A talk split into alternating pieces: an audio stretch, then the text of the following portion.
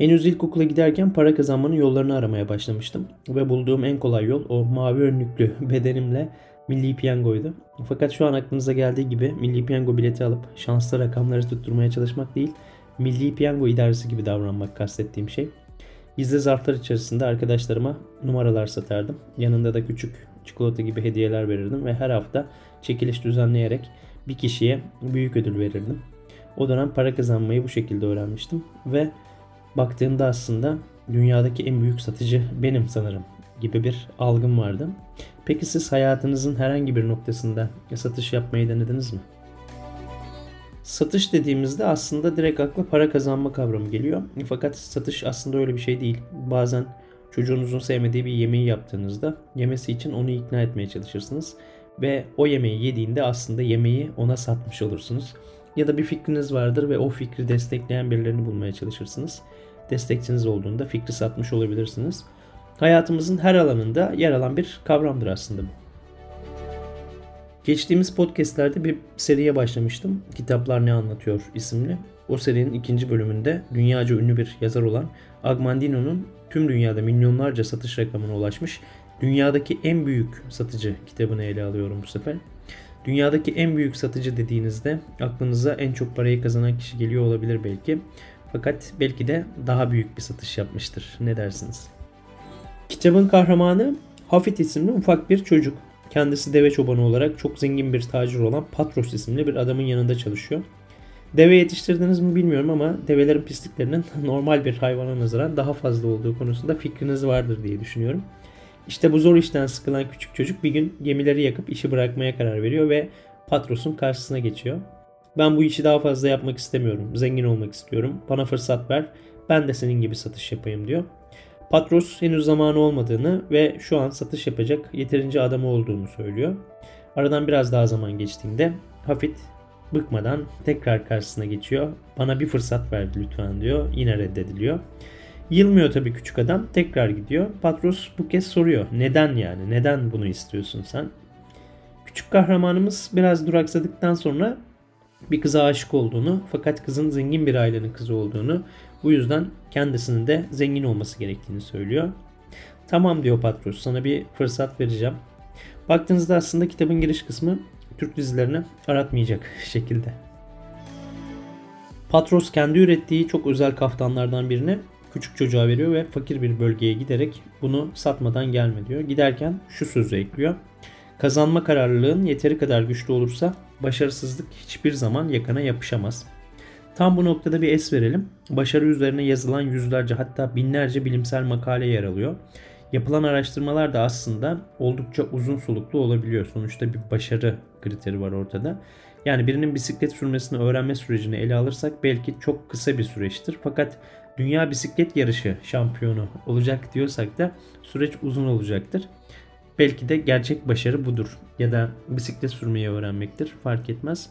Ama nihayetinde süreç değişkenlik gösterebiliyor.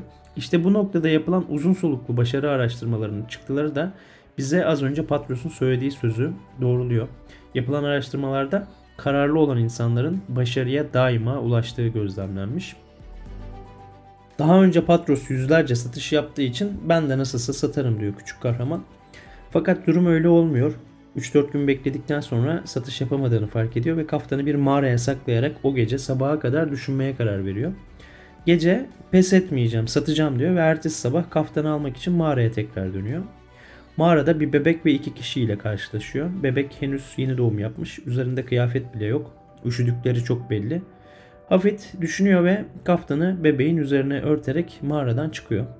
Aslında satışı yapmıyor. Küçük bir bebeğe kaftanı hediye etmiş oluyor.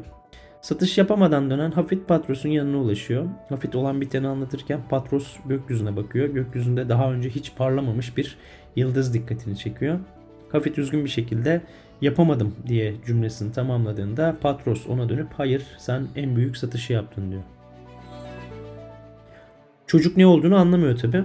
Patros bir sandık çıkarıyor. İçerisinde yazılı olan 10 parşömen var ve Patros bunu Hafit'e veriyor. Al bunlar satış yapmanın sırları. Her birini detaylı bir şekilde oku. Şimdi satış sırlarını merak ettiğinizi biliyorum. Yani 10 parşömende ne yazıyor diye merak ediyor olabilirsiniz. Kitabın fiyatı 20-25 Türk lirası arasında değişiyor. Dilerseniz bu sırları size 10 Türk lirası karşılığında anlatabilirim. İşin şakası bir yana 10 parşömenin her birinin detayına girmeyeceğim.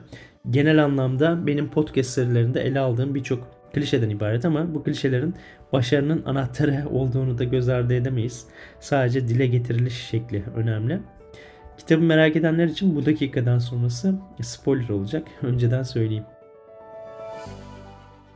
Hafit parşömende yazanları uygulayarak zenginliğe ulaşıyor yıllar içerisinde. Bu zaten beklenen bir sondur. Sonuçta bir satıcı hikayesi ve hedef belli. Yani bir klişe var aslında ortada.